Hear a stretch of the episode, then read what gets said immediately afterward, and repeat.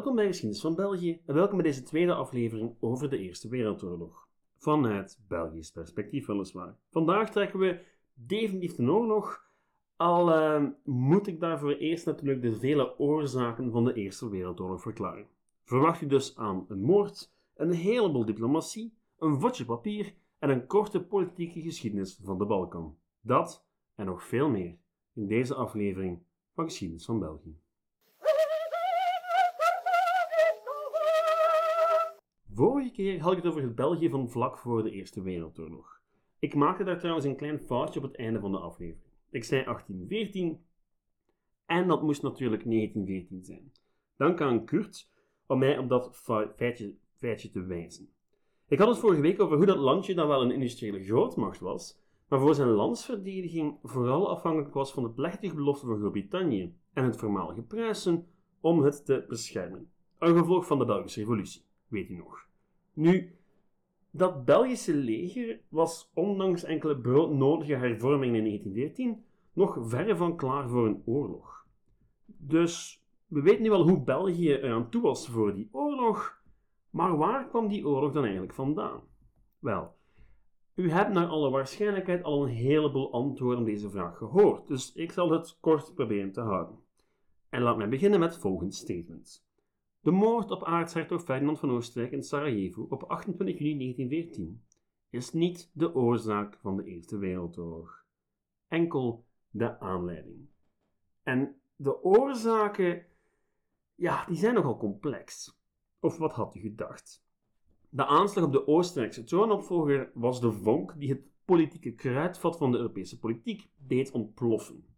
En sinds de Franse Revolutie en Napoleon waren heel wat landen in Europa en elders zich beginnen hervormen tot nazistaat. En het zijn die nazistaten die mee aan de basis liggen van de Eerste Wereldoorlog. Of in elk geval het idee van de nazistaat. Een nazistaat is een staat met een eigen territorium, een grensgebied, en een eigen volk.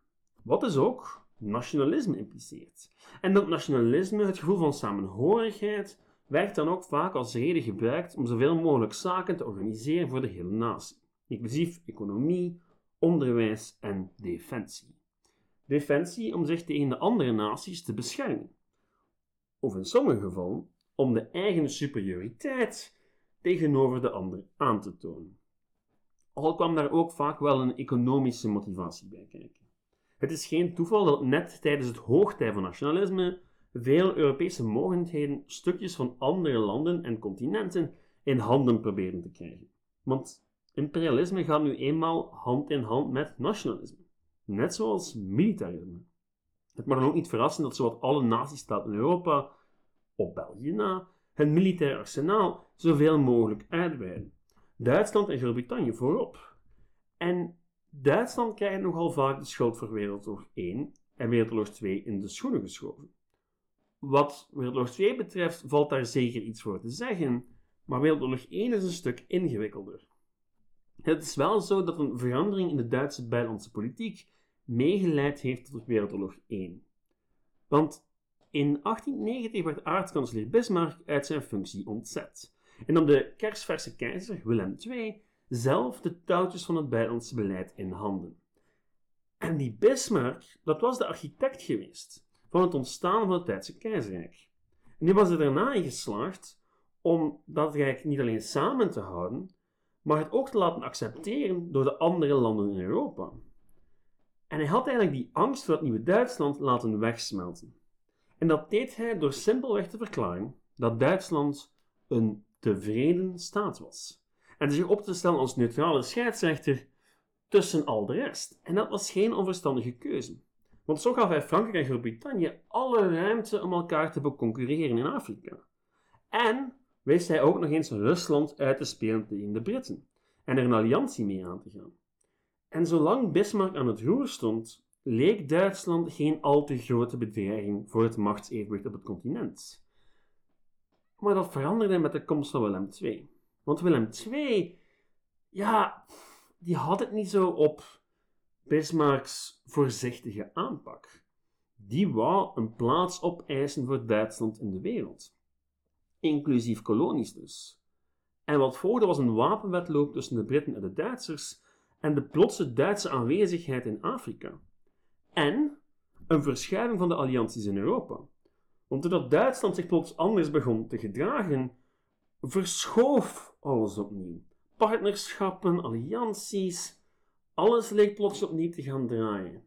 Oostenrijk-Hongarije, waar de Duitsers nog niet hadden gevochten in de jaren 60, ja, hurkte plots weer bij Duitsland aan. Rusland werd losgeweekt van Duitse zijde en belandde plots aan Franse kant. En de Britten, wel, die wouden zich zoals altijd een beetje afzijdig houden en keken dus de kat uit de boom, maar kozen uiteindelijk voor een officieuze alliantie met de Fransen en de Russen. Al was het maar dat de uitbreiding van de, van de Duitse vloot op lange termijn de Britse dominantie op zeven zeeën zou kunnen bedreigen. En de Britse nachtmerrie was altijd een invasie van Engeland, Schotland of Ierland. En die Duitse vloot was, ja, toch wel straf.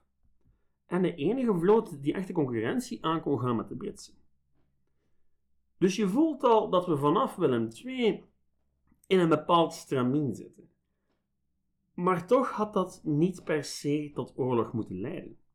Want rond 1912 bedaarden de spanningen tussen Brittannië en Duitsland wat. Er werd een akkoord gevonden over de vloten en het grootste gevaar leek even geweken. Maar dat was het natuurlijk niet, want dat hele systeem van bondgenootschappen en militaire opbouw zorgde voor een heel fragiele balans. Een balans die makkelijk verstoord kon worden door een op het eerste zicht onbelangrijk conflict voor de grootmachten. En dat conflict kwam in de Balkan. En dat had alles te maken met nationalisme, allianties en interne binnenlandse politiek. Want er bestaan simpelweg geen waterdichte schotten tussen binnenlandse en buitenlandse politiek. Wat heel goed blijkt uit de Balkancrisis. Nu, de Balkan is ja, dat grote stuk territorium boven Griekenland. Vandaag de dag hebben we het over Albanië, Noord-Macedonië, Kroatië, Slovenië, um, ook nog Roemenië, Bulgarije. Dus een heleboel landen die vandaag onafhankelijk zijn, maar die heel lang samen waren onder de Ottomanen. Naargelang het Ottomaanse Rijk afbrokkelde en verzwakte, riepen steeds meer delen, waaronder Griekenland, de onafhankelijkheid uit.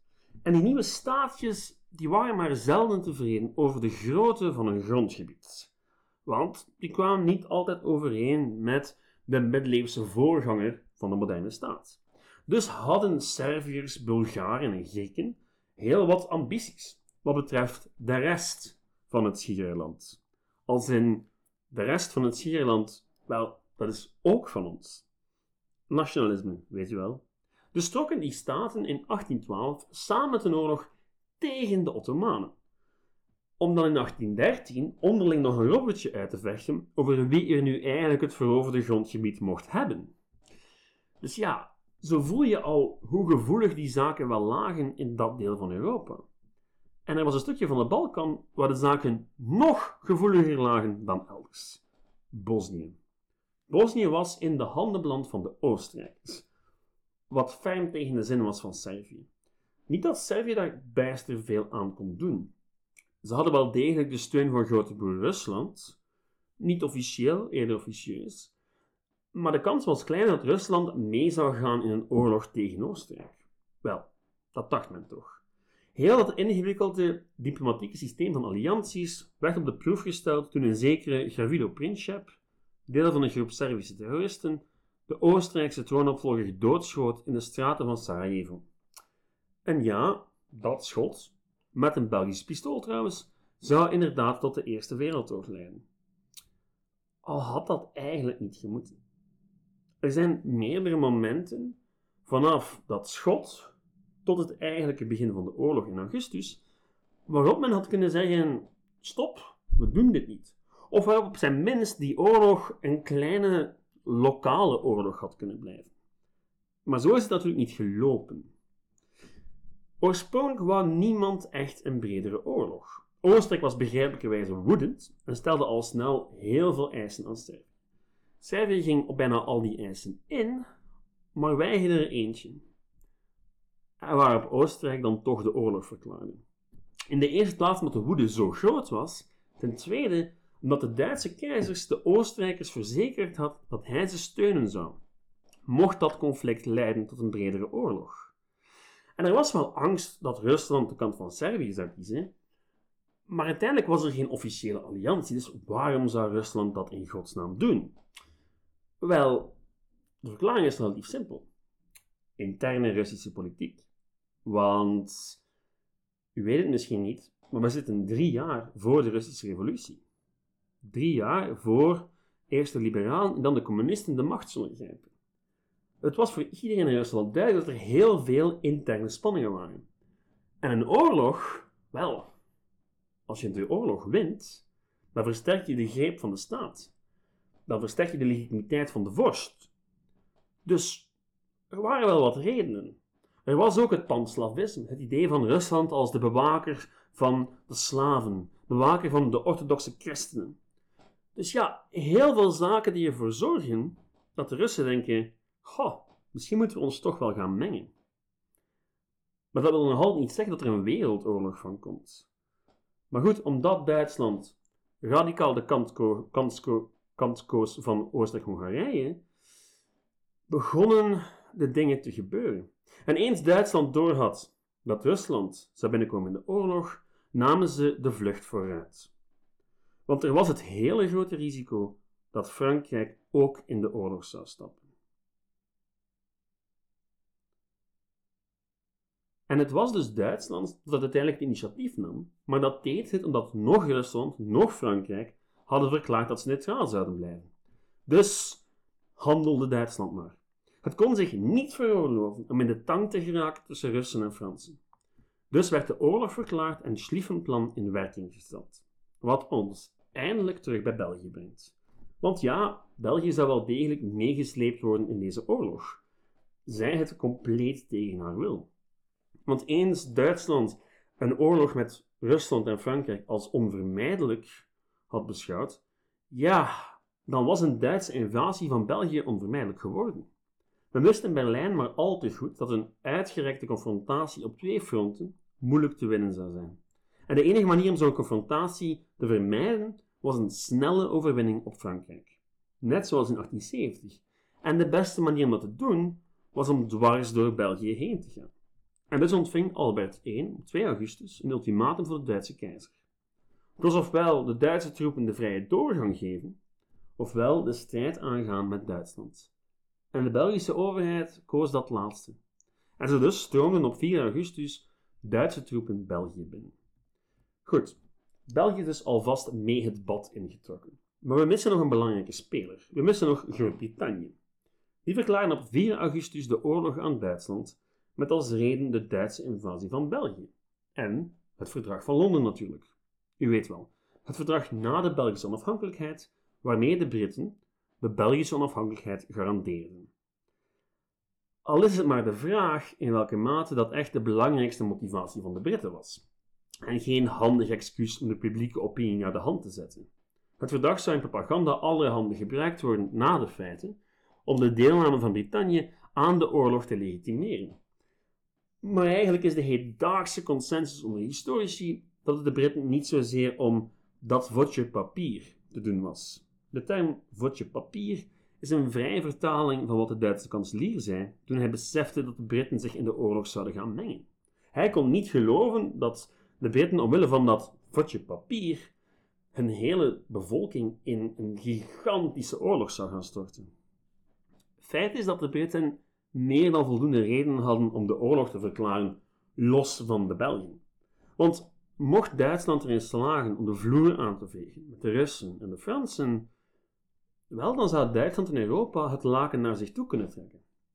En een heleboel marionetregimes kunnen installeren. Regimes die op politiek en economisch vlak bij Duitsland zouden kunnen aanleunen.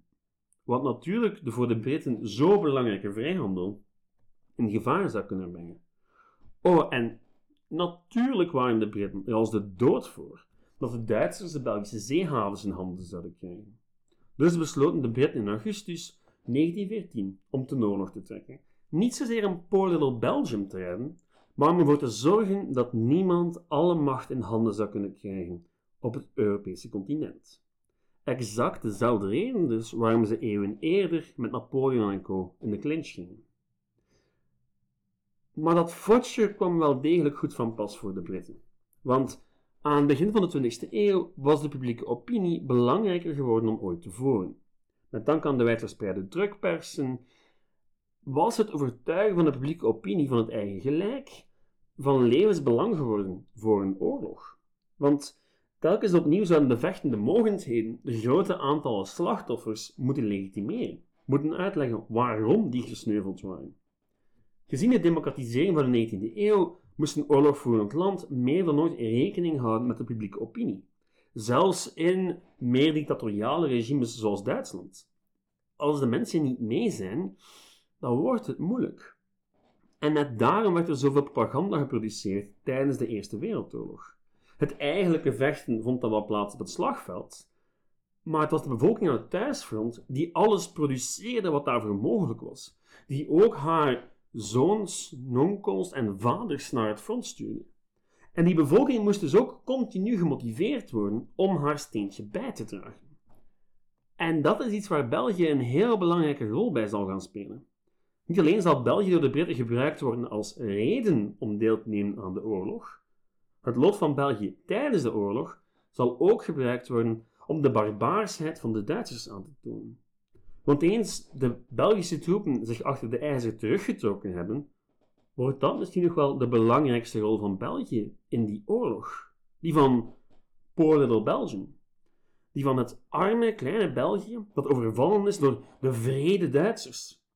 En dat propaganda zal gebruikt worden door de Britten om ook Amerika mee aan boord te krijgen. Goed, dat is vooral voor volgende week, dat verhaal van Portugal Belgium.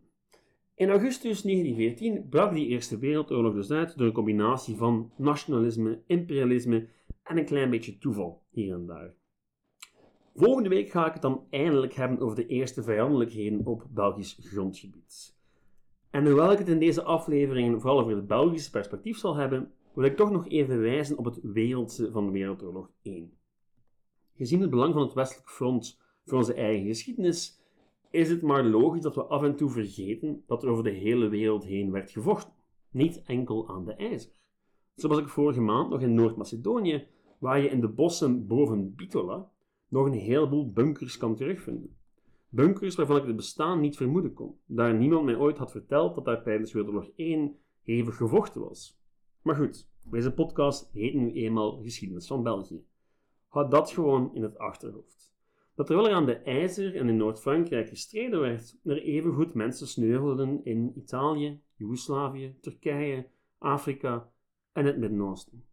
Zelfde oorlog, ander slagveld. En daar, liefste luisteraars, moet ik het bij laten voor deze week. Zoals, zoals u misschien al gemerkt hebt, gaat het nogal traag vooruit. Uh, er is nog steeds geen schot gelost tussen Duitsers en België. Dat schot is voor de volgende keer. En dan heb ik het over de eerste paar maanden van de oorlog in detail. Wat waarschijnlijk zeggen wil dat deze reeks veel te lang duren zal. Maar goed, dat is voor toekomstige Tim. Omdat ik volgende week in het huwelijksbootje treed, zou het wel eens kunnen dat het verhaal van Wereldoorlog 1 nog een week op zich zal moeten wachten. Um, ik heb wel een alternatief voorzien, dus u zult zeker iets hebben om naar te luisteren. Hebt u vragen, aanmoedigingen, suggesties? Dan mag u steeds naar geschiedenisvan.outlook.be sturen. U kan me ook bereiken via Facebook op Geschiedenis van België.